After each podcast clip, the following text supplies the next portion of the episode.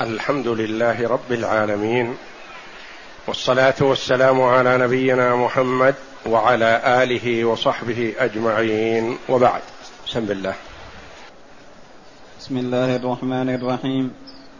قال المؤلف رحمه الله تعالى الحديث الحادي والعشرون بعد الثلاثمائة عن أبي هريرة رضي الله عنه قال جاء رجل من بني فزارة إلى النبي صلى الله عليه وسلم فقال إن امرأتي ولدت غلاما أسود. فقال النبي صلى الله عليه وسلم هل لك إبل؟ قال نعم. قال فما ألوانها؟ قال حمر. قال فهل يكون فيها من أورق قال إن فيها لورقا. قال فأنى أتاها ذلك. قال عسى أن يكون نزعه عرق. قال وهذا عسى أن يكون نزعه عرق. هذا الحديث عن أبي هريرة رضي الله عنه أن النبي عن أن قال جاء رجل من بني فزارة. قبيلة من قبائل العرب إلى النبي صلى الله عليه وسلم فقال إن امرأتي ولدت غلاما أسود. هذا الرجل الفزاري أبيض اللون.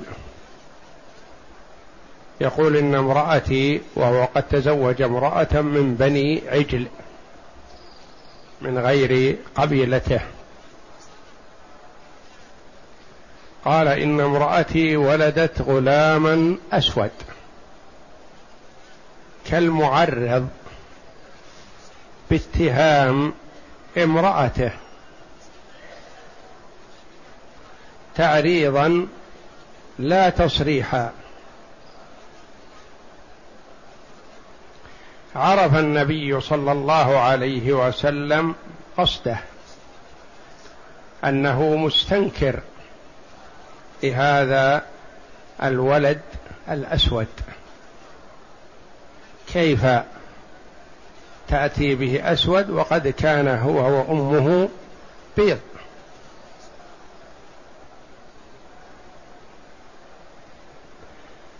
فلما عرف النبي صلى الله عليه وسلم قصده تلطف به عليه الصلاة والسلام وعامله بحسب إدراكه ومعرفته. ما قال له عليه الصلاة والسلام من أول الأمر لعل هذا نزعه عرق من آبائك أو أجدادك أو آباء أمه أو أجدادها. لا. وما وبخه وما لامه لأنه يتكلم عن زوجته. وفرق بين من يتكلم عن زوجته وبين من يتكلم عن امرأة من أفراد المسلمين. لأن الرجل الذي يتكلم عن امرأة أجنبية قد يكون كلامه مبني على السب وعلى اللوم والتقبيح لهذه المرأة وما حصل منها. لكن لا هذا مستنكر والمسألة ترجع إليه والولد سينسب إليه وهو يشك فيه. فما هو موقفه الذي ينبغي أن يسلكه ليكون موافقا للشرع؟ ما اتهمها وما قال شيئا نحوها وما سبها؟ والرب النبي صلى الله عليه وسلم تلطف به وفهم قصده وعامله أحسن معاملة. قال له النبي صلى الله عليه وسلم هل لك من إبل؟ هل عندك إبل؟ عرف بشكله أنه من أهل الإبل. قال نعم عندي إبل. قال وما ألوانها؟ فما ألوانها؟ قال حمر. وحمر النعم هي أنفس أموال العرب ويعتنون بها. كما قال عليه الصلاة والسلام لعلي بن أبي طالب رضي الله عنه والله لأن يهدي الله بك رجلا واحدا خير لك من حمر النعم.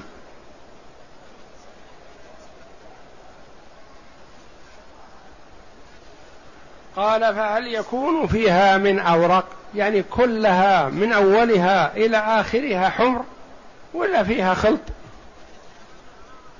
قال إن فيها لروقا فيها عدد. والأورق هو الذي ليس بأسود ولا أبيض ولا أحمر يسمى أقرب ما يكون للأشهب أو من نوع الرماد ليس بأسود ولا أبيض ولا أحمر لون قال فيها روق. قال من أين لها ذلك؟ كيف تغير لونها؟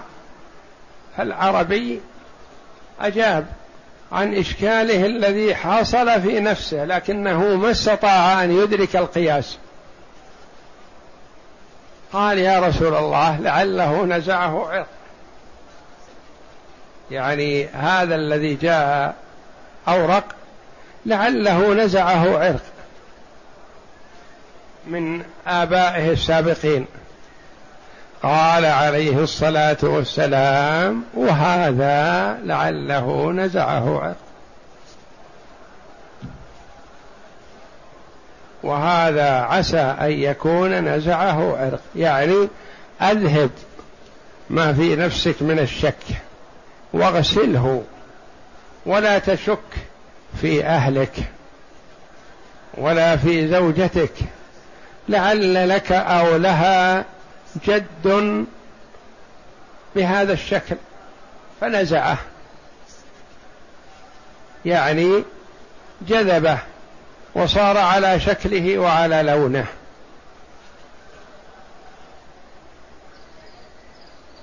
هكذا توجيه النبي صلى الله عليه وسلم للأمة بإحسان الظن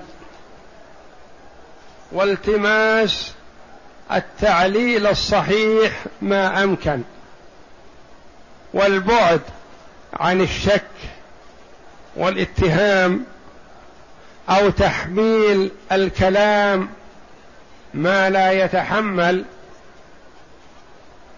بل يحسن الظن بمن حوله. وقد جاء عن عمر رضي الله عنه أنه قال لا ينبغي للمرء أن يحمل الكلام على سوء وهو يجد له في الخير محملا. قالوا لو كان يجد له في الخير واحد من مئة لحمله على الخير ولم يحمله على السوء.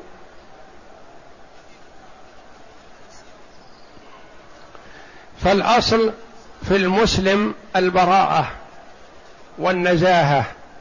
ولا يجوز اتهامه بالسوء ما لم يظهر ظهورا بينا.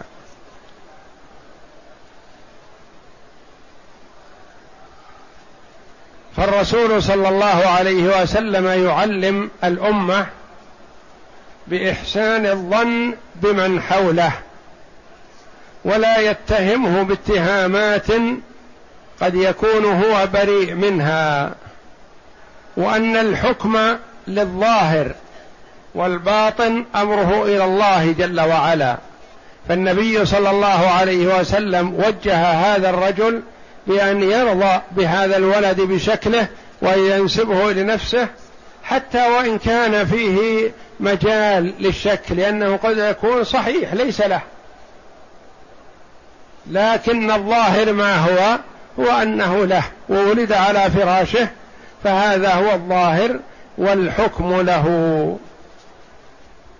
ولا ينبغي للرجل أن يتشكك أو يوسوس بمن ظاهره الصلاح والاستقامة.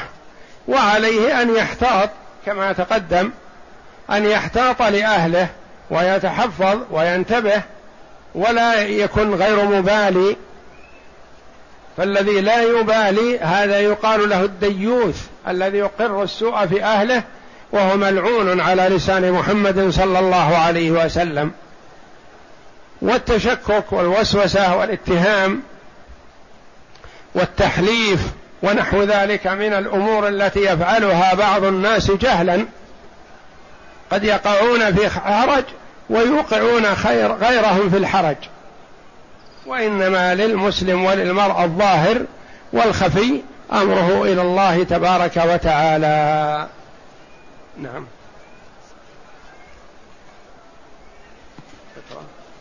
الغريب رجل من بني فزارة بفتح الفاء والزاي من غطفان. يعني من غطفان. فزارة فخذ من غطفان. قبيلة عدنانية.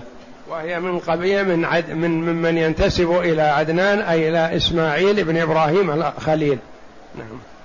والرجل اسمه ضمضم ابن قتادة. اسمه ضمضم بن قتادة. أن أتاه بفتح الهمزة وتشديد النون أي مما أتاه هذا اللون المخالف للون أبويه. يسأل, الرجل آه، يسأل الرسول صلى الله عليه وسلم الرجل يقول من أين أتاه هذا اللون؟ ليخالف لون إبلك؟ قال لعله نزعه عرق. نعم.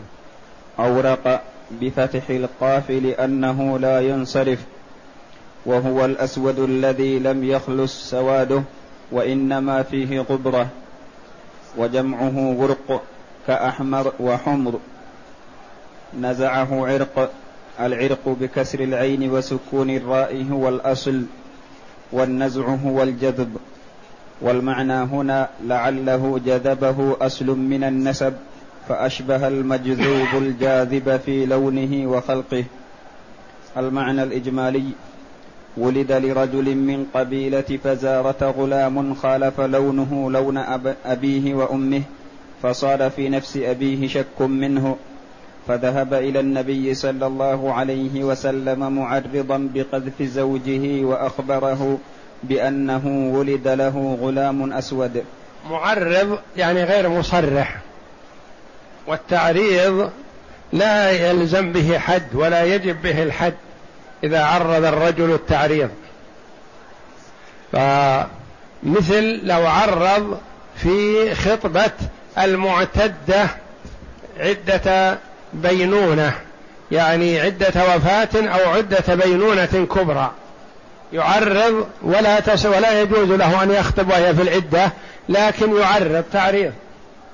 والتعريض يفهم منه المراد وليس صريح. كأن يأتي لامرأة قد توفي زوجها مثلا ويقول لها مثلا أنا في حاجة إلى زواج. أنا أرغب في زوجة صفتها كيت وكيت مثلا يذكر من صفاتها هي من صفات هذه المرأة. حتى وإن كان معها أولاد وإن كانت كذا وإن كانت كبيرة أنا أرغب في الزواج. ولا يخطب فهذا يسمى تعريض. والتعريض جائز في خطبة آه، المعتدة من عدة وفاة أو عدة طلاق بينونة كبرى.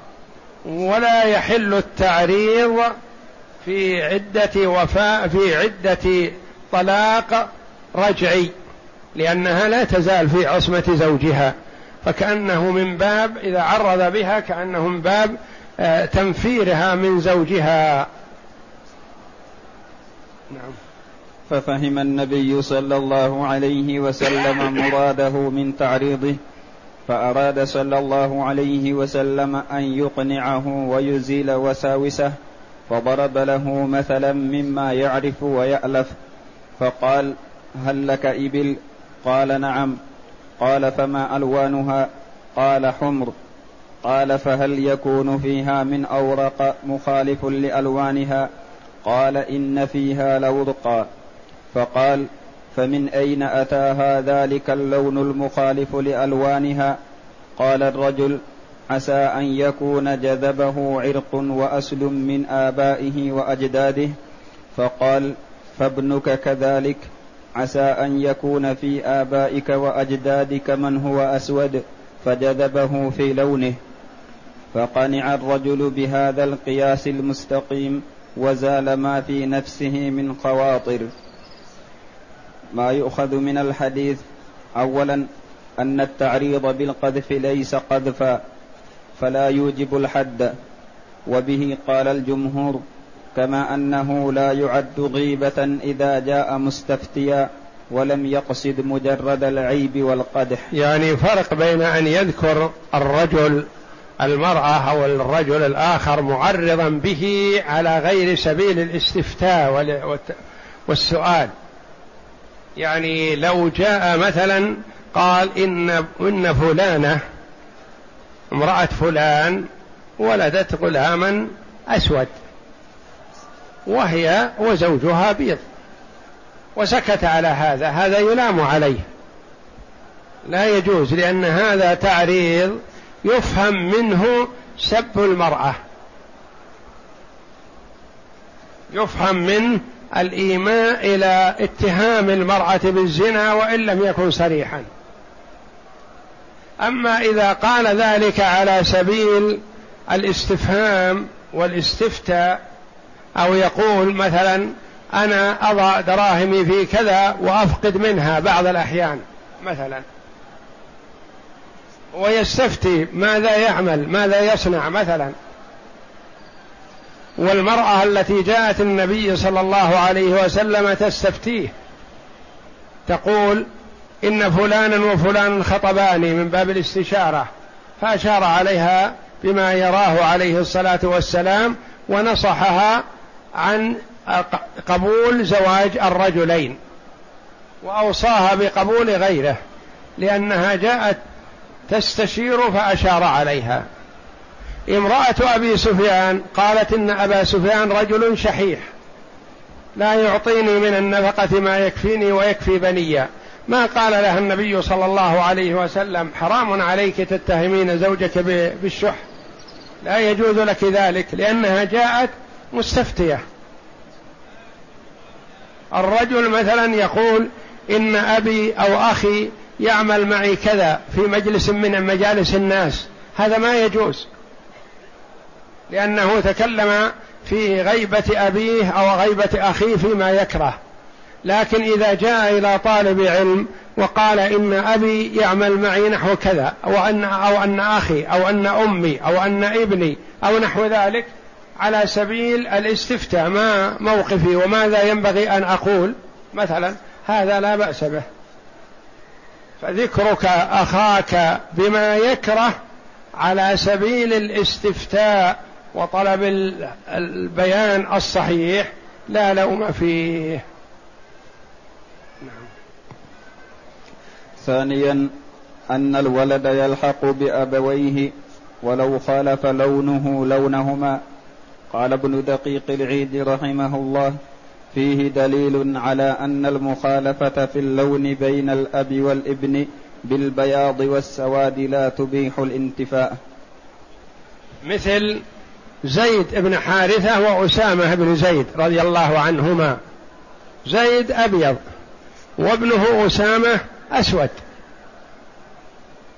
آه مر مدلجي من بني مدلج ممن يعرفون الشبه والدم والقاء والأثر على زيد وابنه وقد تغطيا قطيفة وبرزت الأقدام الأربعة الرجلين الأربعة اثنتان سود واثنتان بيض.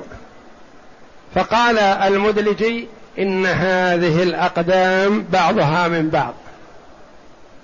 يعني مع اختلاف ألوانها بعضها من بعض. شبه عرف الشبه. فسر النبي صلى الله عليه وسلم بهذا سرورا عظيما. لأن بعض المنافقين يتهمون يقولون كيف الأب أبيض والولد أسود؟ لما؟ فلما قال المدلجية هذا الكلام سر بذلك النبي صلى الله عليه وسلم ودل على أن اختلاف اللون ما يؤثر إنه قد يكون الأب بي أبيض والولد أسود أو العكس مثلا. فما يؤثر هذا؟ لأنه ربما يكون نزعه عرق. ثالثا الاحتياط للأنساب وأن مجرد الاحتمال والظن لا ينفي الولد من أبيه فإن الولد للفراش والشارع حريص على إلحاق الأنساب ووصلها. الاحتياط للأنساب يعني يحرص على أن يثبت النسب. وإثبات النسب مع اختلاف الشبه مطلوب ومرغوب فيه. بخلاف ما لو قيل إذا اختلف مثلا يقال لا ليس لأبيه. لمن؟ ما هو لأحد. بين. ضاع نسبه. إذا نفي عن أبيه ولم يلحق بأحد لمن يكون؟ يضيع نسبه. والإسلام يحرص على إثبات النسب ويقول صلى الله عليه وسلم الولد للفراش وللعاهر الحجر. يعني إذا كانت الأمة مثلا فراشا لسيدها. ثم جاءت بولد على خلاف شكل سيدها مثلا. قد يكون مثلا أنها فعلت الفاحشة زنت مع شخص آخر فجاء الولد هذا على شكله. فيقول عليه الصلاة والسلام الولد للفراش. الأصل أن الولد لمن الأمة أو المرأة فراشا له. والعاهر إن كان هناك عاهر فله الحجر. يعني له لو ثبت وعرف له الضرب. ولا يلحق به نسب. ولهذا إذا عرف أن هذا ولد زنا مثلا لا ينسب لأبيه ولو كان الزاني معروف. ما ينسب لأبيه لأنه ليس له ولا تحل له محارمه ولا يلحق به وإنما يعطى اسما مستعارا. نعم. رابعا فيه ضرب الأمثال وتشبيه المجهول بالمعلوم ليكون أقرب إلى الفهم. فيه ضرب الأمثال النبي صلى الله عليه وسلم ضرب له المثل بالشيء المحسوس الذي عنده. وموضوع الزوجة ذهل عنها الرجل هذا. وإلا الإبل بين يديه هذه كذا وهذه كذا لكن ما فكر. ووقع في خاطره أن امرأته زنت. وإن لم يصرح بهذا لكن ما جاء إلى النبي صلى الله عليه وسلم إلا معرضا بهذا. فالنبي صلى الله عليه وسلم ما لامه وما وبخه ولا قال أخطأت ولا قال هذا وسوسة منك أو هذا شك منك أو هذا جهل منك أو نحو ذلك ضرب له المثل ليدركه بنفسه. يكون الجواب هو يأتي به فهو الذي أجاب عما في نفسه. نعم. وهذا الحديث من أدلة القياس في الشرع. قال الخطابي رحمه الله هو أصل في قياس الشبه. وقال ابن العربي فيه دليل على صحة الاعتبار بالنظير. النظير الذي هو الشبيه. نعم. خامسا فيه حسن تعليم النبي صلى الله عليه وسلم وكيف يخاطب الناس بما يعرفون ويفهمون فهذا أعرابي يعرف الإبل وضرابها وأنسابها. يعني ما ضرب له المثل بشيء من قول الأطباء أن الرجل قد ينسى فيكون شبهه بأبيه وقد يكون شبهه بأمه وقد يكون شبهه بأخواله أكثر وقد يكون شبهه بأعمامه أكثر.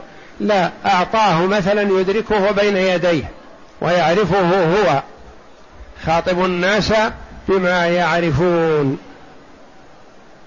أزال عنه هذه الخواطر بهذا المثل الذي يدركه فهمه وعقله. فراح قانعا مطمئنا. فهذا من الحكمة التي قال الله فيه ادع إلى سبيل ربك بالحكمة. فكل يخاطب على قدر فهمه وعلمه. والله أعلم. وصلى الله وسلم وبارك على عبده ورسول نبينا محمد وعلى آله وصحبه أجمعين.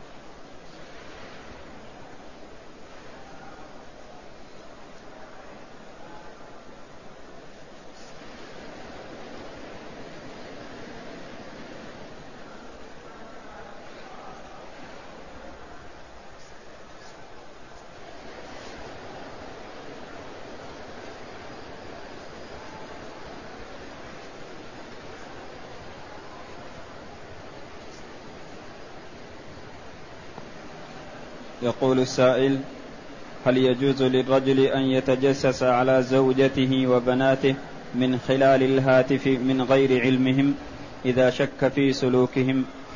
لا يجوز للمرء أن يتجسس على أهله ولا على غيرهم وإنما عليه أن يحتاط وينتبه وأما التجسس فلا يجوز ولا يجوز له أن يهمل ولا يسأل عن أهله ولا عن بيته من يأتيه ومن يخرج منه.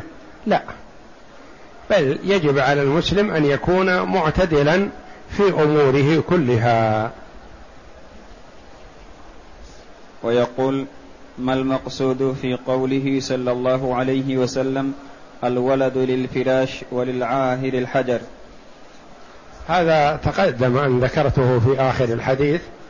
يعني أن الولد ينسب لمن المرأة أو الأمة فراشا له لزوج المرأة أو سيد المرأة. وأما إن كان هناك عاهر يعني زاني فليس له إلا الحجر ولا ينسب له الولد.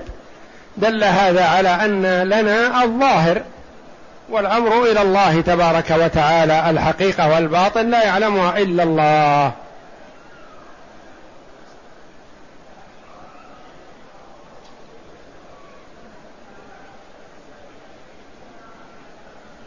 يقول كيف يعطى الولد الاسم المستعار؟ الاسم المستعار يعني مثل المقصود أنه يستعار من زيد أو من عمرو عارية وإنما يعطى اسم هكذا. يقال مثلا زيد بن محمد علي بن عبد الله ونحو ذلك اسم غير منسوب إلى شخص معين يعرف به وإنما يعطى اسما كاملا ثلاثي أو رباعي مثلا آه، مسلم ابن آه، حارث ابن مجاهد ونحو ذلك من الأسماء التي ممكن أن يسمى بها ولا تكون مطابقة لاسم لشخص آخر.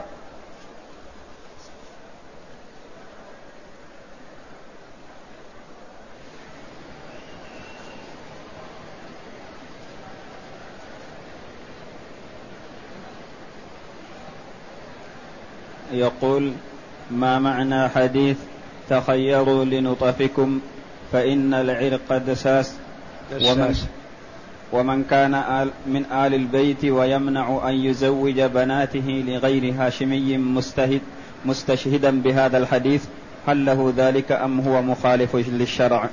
يقول عليه الصلاة والسلام تخيروا لنطفكم فإن العرق دساس. المرء إذا فكر في الزراعة هل يبحث عن الأرض الواسعة وإن كانت سبخة مالحة يزرع فيها أم يذهب يبحث عن الأرض الطيبة عذبة الماء طيبة التربة يزرع فيها؟ لا شك أنه يختار هذه على تلك.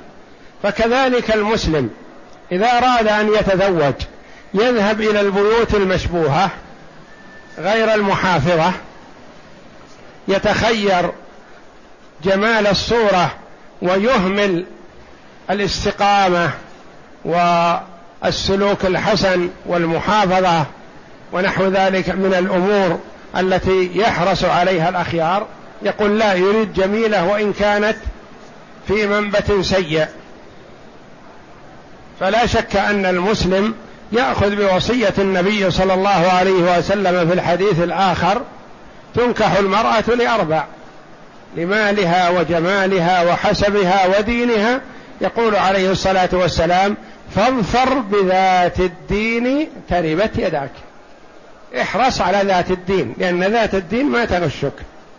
تربي أولادها تربية صالحة تصون نفسها تحفظ مالك تصدقك الحديث تعاملك معاملة حسنة لأنها تخاف الله فيك وتراقب الله فيك.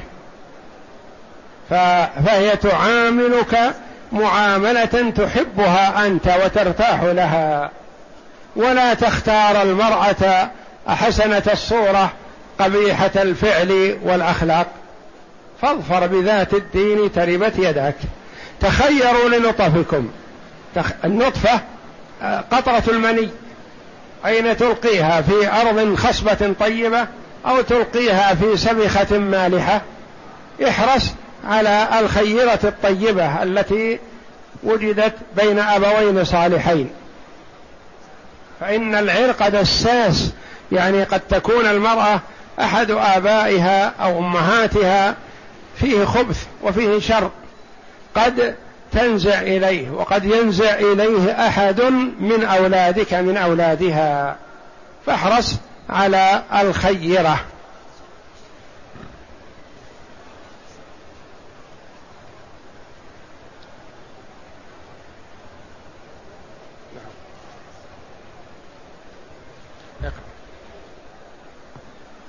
ويقول ومن كان من آل البيت بناته لغير هاشمي مستشهدا بهذا الحديث هل له ذلك أم هو مخالف للشرع؟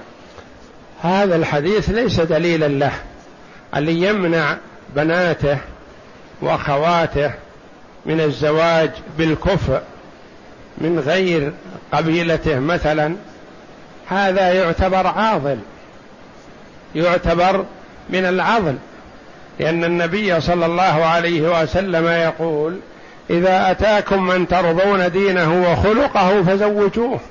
إلا تفعلوا تكن فتنة في الأرض وفساد عريض. وليس المراد بتخيروا لنطفكم بالأصل بالنسب وإنما المراد بالاستقامة والخلق الحسن والذي يكون من قبيلة ويمنع بناته أو أخواته من الزواج من قبيلة أخرى. أو من رجال آخرين مستقيمين يعتبر هذا عضل ومخالف لأمر الله تبارك وتعالى وأمر رسوله صلى الله عليه وسلم. والرسول عليه الصلاة والسلام زوج بنت عمته لزيد بن حارثة وكان زيد مولى للنبي صلى الله عليه وسلم مملوك للنبي صلى الله عليه وسلم. ولما طلقها زيد تزوجها النبي صلى الله عليه وسلم. وما وسعها أن تقول إنه مولى أو إنه مملوك أو إنه قبل سنوات في ملكك بل قبلته رضي الله عنها. ولما صار بينهما ما صار وطلقها تزوجها النبي صلى الله عليه وسلم. والنبي صلى الله عليه وسلم منع من التفاضل والتفاضل بالأحساب والأنساب وبين أن هذه من أمر الجاهلية. يعني التفاخر بالأحساب والأنساب من أمر الجاهلية. وإنما المسلم إذا أتاه من يرضى دينه وخلقه من ايا كان فيزوجه.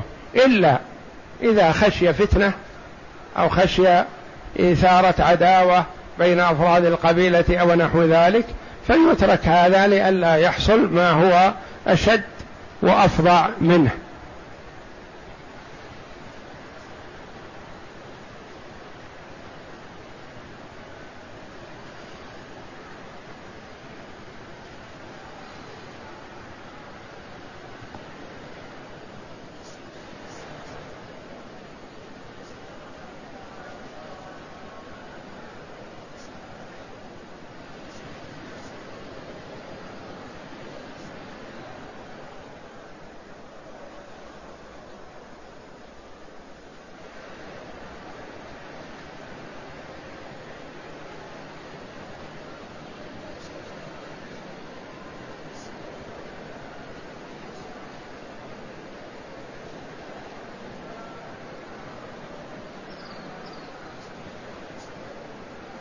يقول إذا خلعت امرأة من زوجها بعد أكثر من مرور سنة فهل لها عدة تعتدها بعد الخلع؟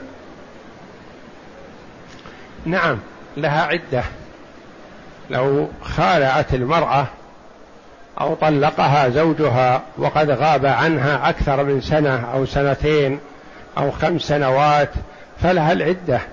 والعدة تبدأ من حين من وقت الطلاق. ولا ينظر لما مضى من المدة قبل الطلاق حينما كانت عند أهلها.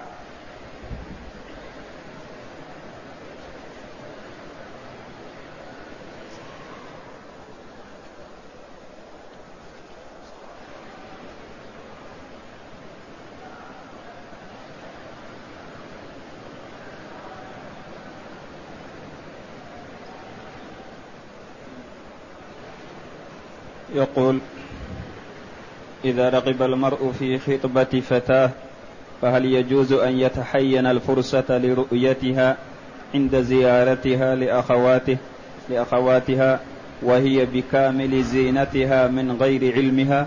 وذلك حتى لا يقدم على الزواج إلا وهو مقنع لكي لا يحصل مشاكل بعد الزواج. إذا علم أنهم يوافقون على هذا وهو عازم على خطبتها فله أن يرى منها ما يدعوه إلى نكاحها. له أن يترصد لها في بعض الأماكن التي تمر بها ويراها إذا كان عازم ويجزم أنهم لا يمنع لا يمتنعون من ذلك.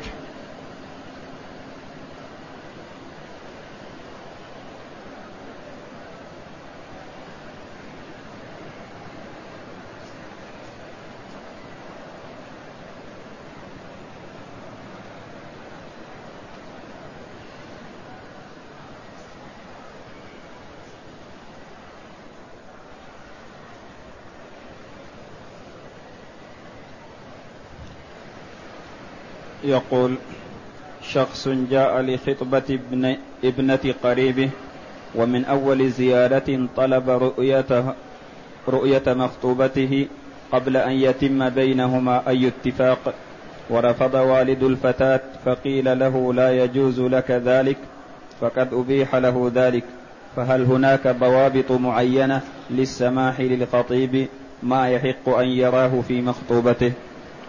لا يجوز أن يراها وهو لم يحصل كلام أو شبه موافقة وإنما الرؤية تصح بعد أن يحصل شيء من التواطؤ أو يعلم بأنهم لا يمتنعون إذا خطب وهو عازم على خطبتها. لئلا يحصل هذا من بعض الناس باستمرار يقول أريد أن أرى هذه فإن أعجبتني خطبتها ثم يرى الأخرى ثم يرى الثالثة وتكون النساء كأنها تعرض بين يديه هذا لا ينبغي ولا يجوز. وإنما إذا حصل تواطؤ أو شبه تواطؤ أو علم أنهم لا يمنعون لا يمانعون ثم تمكن من رؤيتها بدون علمها فلا بأس بذلك.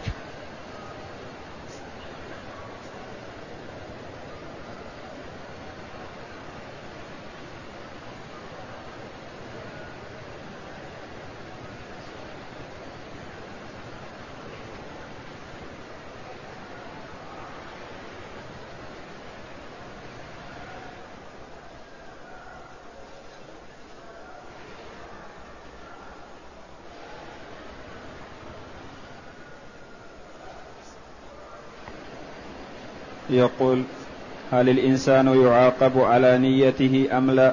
وإن كان لا يعاقب فما معنى الحديث الذي قال فيه الرسول صلى الله عليه وسلم فهما في الوزر سواء؟ يقول عليه الصلاة والسلام عفي عن أمتي ما حدثت به أنفسها ما لم تعمل أو تتكلم. مجرد حديث النفس لا يواخذ الله جل وعلا به إلا إذا حدث نفسه بإلحاد في الحرم.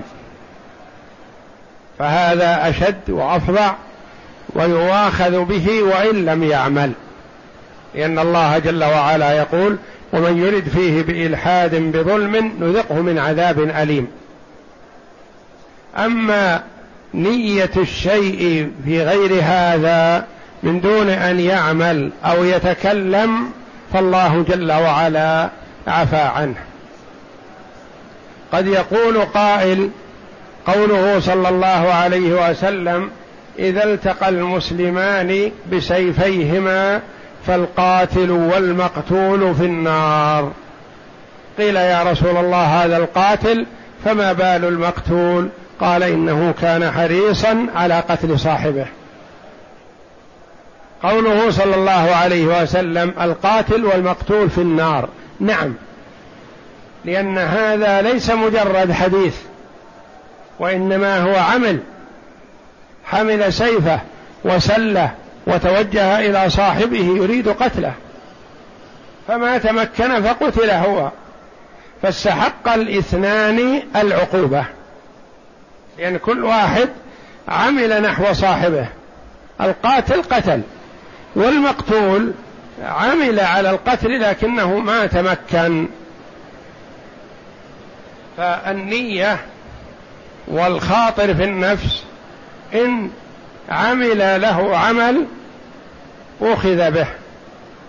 وإن لم يعمل نحوه شيء لم يؤاخذ به إلا إن كان هذا الهم في بيت الله الحرام بسوء فهو يؤاخذ به وإن لم يعمل لقوله تعالى ومن يرد فيه بإلحاد بظلم نذقه من عذاب أليم.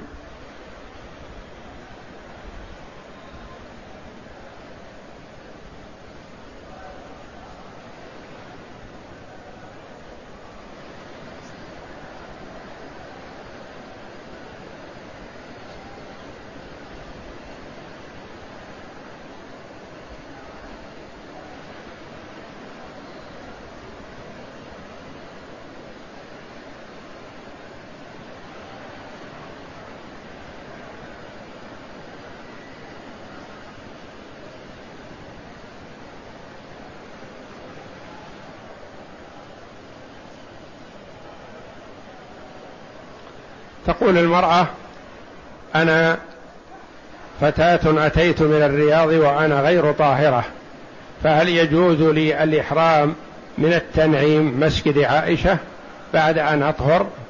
وهل يجوز لأمي أن تؤدي عمرة ثانية بعد أن أحرمت بالعمرة الأولى التي قدمت بها من الرياض؟ والجواب فيه تفصيل.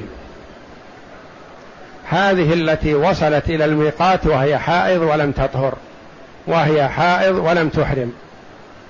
لا يخلو. إن كانت حينما وصلت إلى الميقات عدلت عن العمرة لأنها ما تستطيع أن تؤخر رفقتها.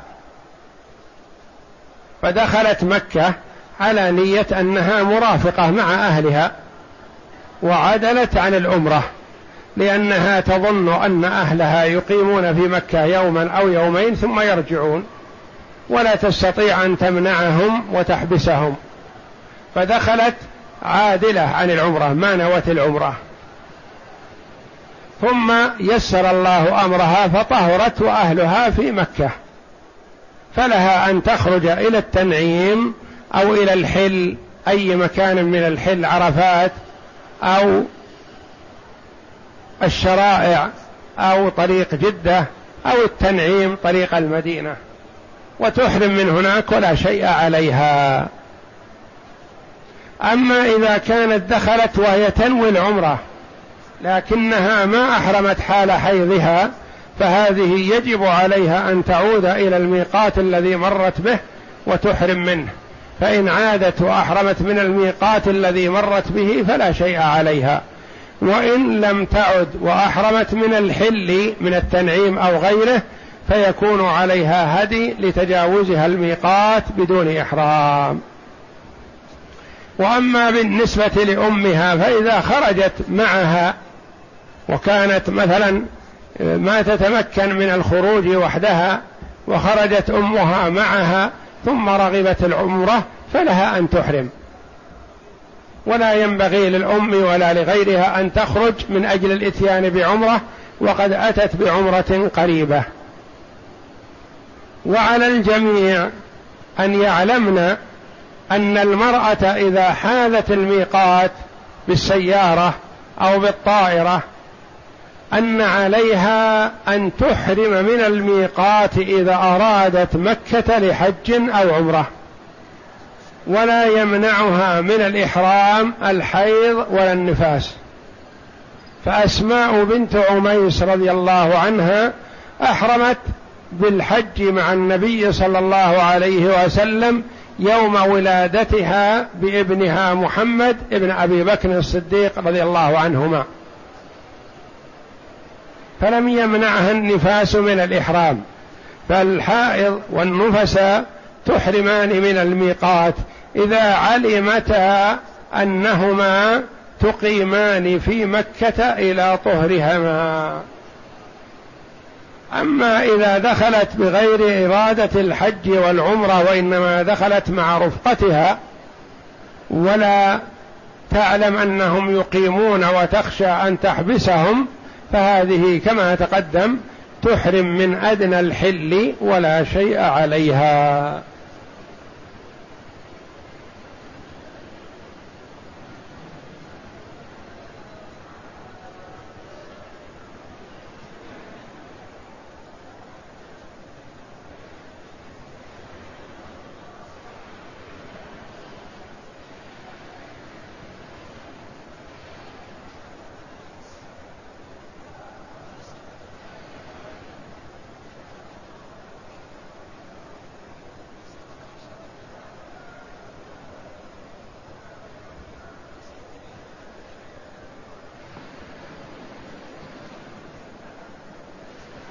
تقول امرأة كانت تستحم في الميقات وخرج منها نقطة, نقطة من الدم علما أنها كبيرة في السن ومنذ ثلاثة أشهر لم يأتيها العادة فأحرمت واعتمرت عمرة كاملة لم يخرج منها شيء وبعد العمرة بساعة جاءتها العادة فما حكم عمرتها؟ النقطة من الدم عند اغتسالها مثلا لا يؤثر عليها ما دامت لم ترى دما مستمر. واغتسلت عن هذه النقطة مثلا وأحرمت وطافت وسعت وهي لم ترى شيئا فعمرتها صحيحة. ثم إن جاءها الحيض بعد هذا فلا يؤثر على عمرتها السابقة.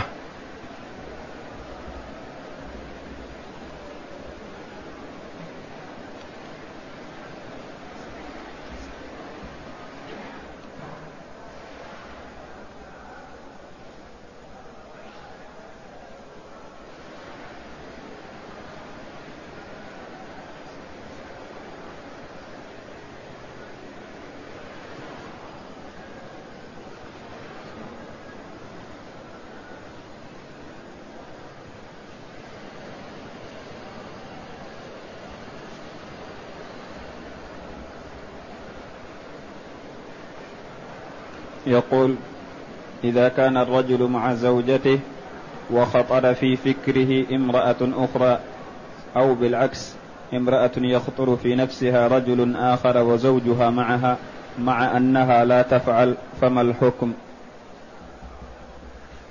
شيء يخطر على البال من دون أن يصدق المرء ذلك ويعمل نحوه شيئا لا يضيره. هذا لعله من قوله صلى الله عليه وسلم عفي عن أمتي ما حدثت به أنفسها ما لم تعمل أو تتكلم.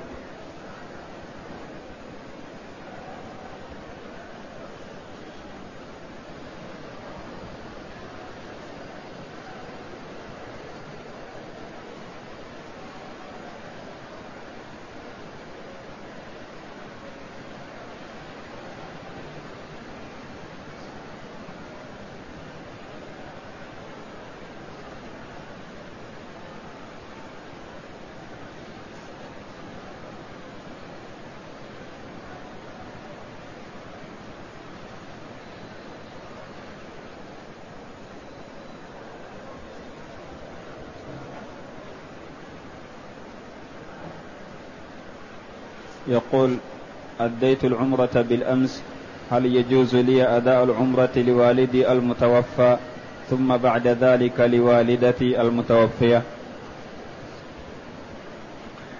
إذا دخل المرء مكة بعمرة فلا يحسن أن يخرج للاتيان بعمرة أخرى لا له ولا لأبيه ولا لأمه لأنه دخل بعمرة فيكثر من الطواف بالبيت كلما أمكن.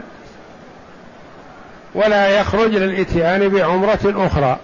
فإن أدى عمرته وسافر إلى المدينة أو الطائف أو جدة أو أي بلد ثم رغب في العودة إلى مكة فيحسن أن يعود إليها بعمرة. فنقول لمن كان داخل مكة لا تخرج للإتيان بعمرة أخرى. ومن كان خارج مكة يريد الدخول إلى مكة يحسن أن تدخل مكة بعمرة.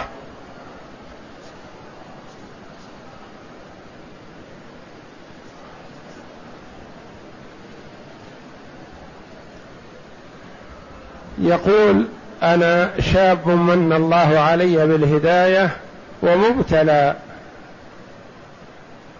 في أمور أنه يقع في شيء من الكبائر. فكيف الخلاص منها؟ اولا اعلم أن الشيطان حريص كل الحرص على إضلال بني آدم فهو يتسلط على من يرى منه التوجه إلى الاستقامة والبعد عن المعاصي فيتسلط عليه ويجاهده بخيله ورجله. فعلى المرء أن يجند نفسه لمجاهدة النفس والشيطان ولا يجعل للشيطان عليه سبيلا.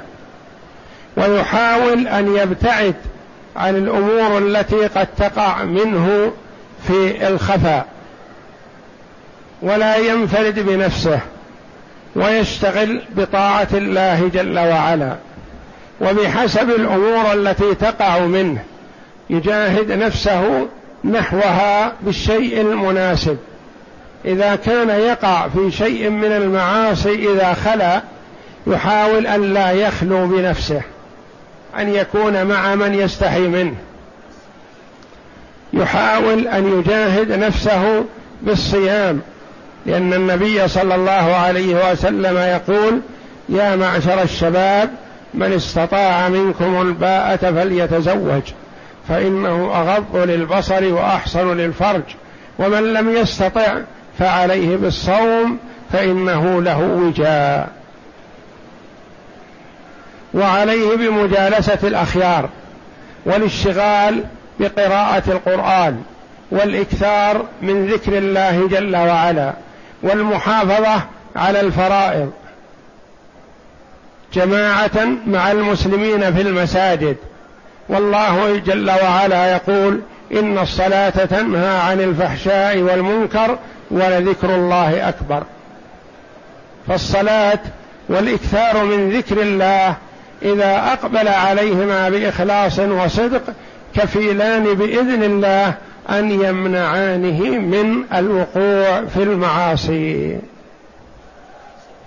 والله جل وعلا يقول إن الشيطان لكم عدو فاتخذوه عدوا. والشيطان يدعو الإنسان إلى ما يضره في دينه ودنياه.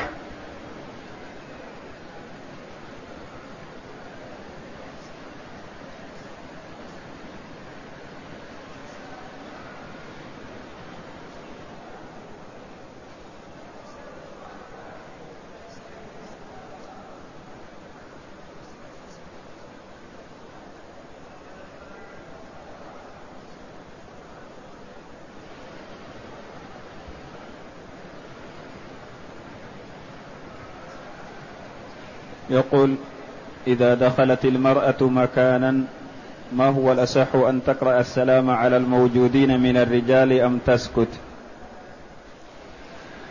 إذا كان إلقاؤها هذا السلام يوجد ريبة أو شك أو اتهام من بعض الأشخاص فينبغي لها أن تسكت لأن إلقاء السلام ليس بواجب بل هو سنة. وأما إذا كان لا يوجد أي شك ولا ريبة فإلقاء السلام حسن.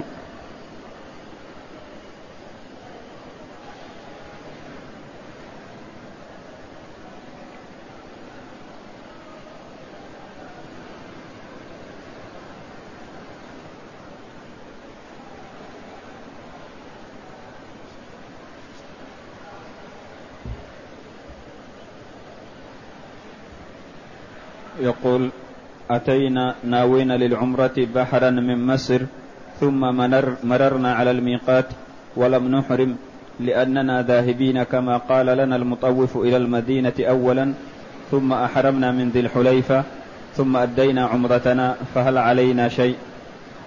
ليس عليكم شيء لأنكم حينما مررتم بميقاتكم الجحفة ما كنتم تريدون مكة.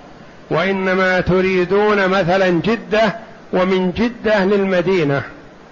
ثم لما خرجتم من المدينة تريدون مكة أحرمتم من ميقات أهل المدينة فليس عليكم شيء وهذا هو الواجب عليكم شرعا. لأن النبي صلى الله عليه وسلم قال عن المواقيت هن لهن ولمن أتى عليهن من غير أهلهن ممن أراد الحج أو العمرة. فأنتم حينما مررتم بالجحفة ما كنتم تريدون مكة. ثم لما مررتم بذي الحليفة كنتم تريدون مكة. فهذا هو ميقاتكم.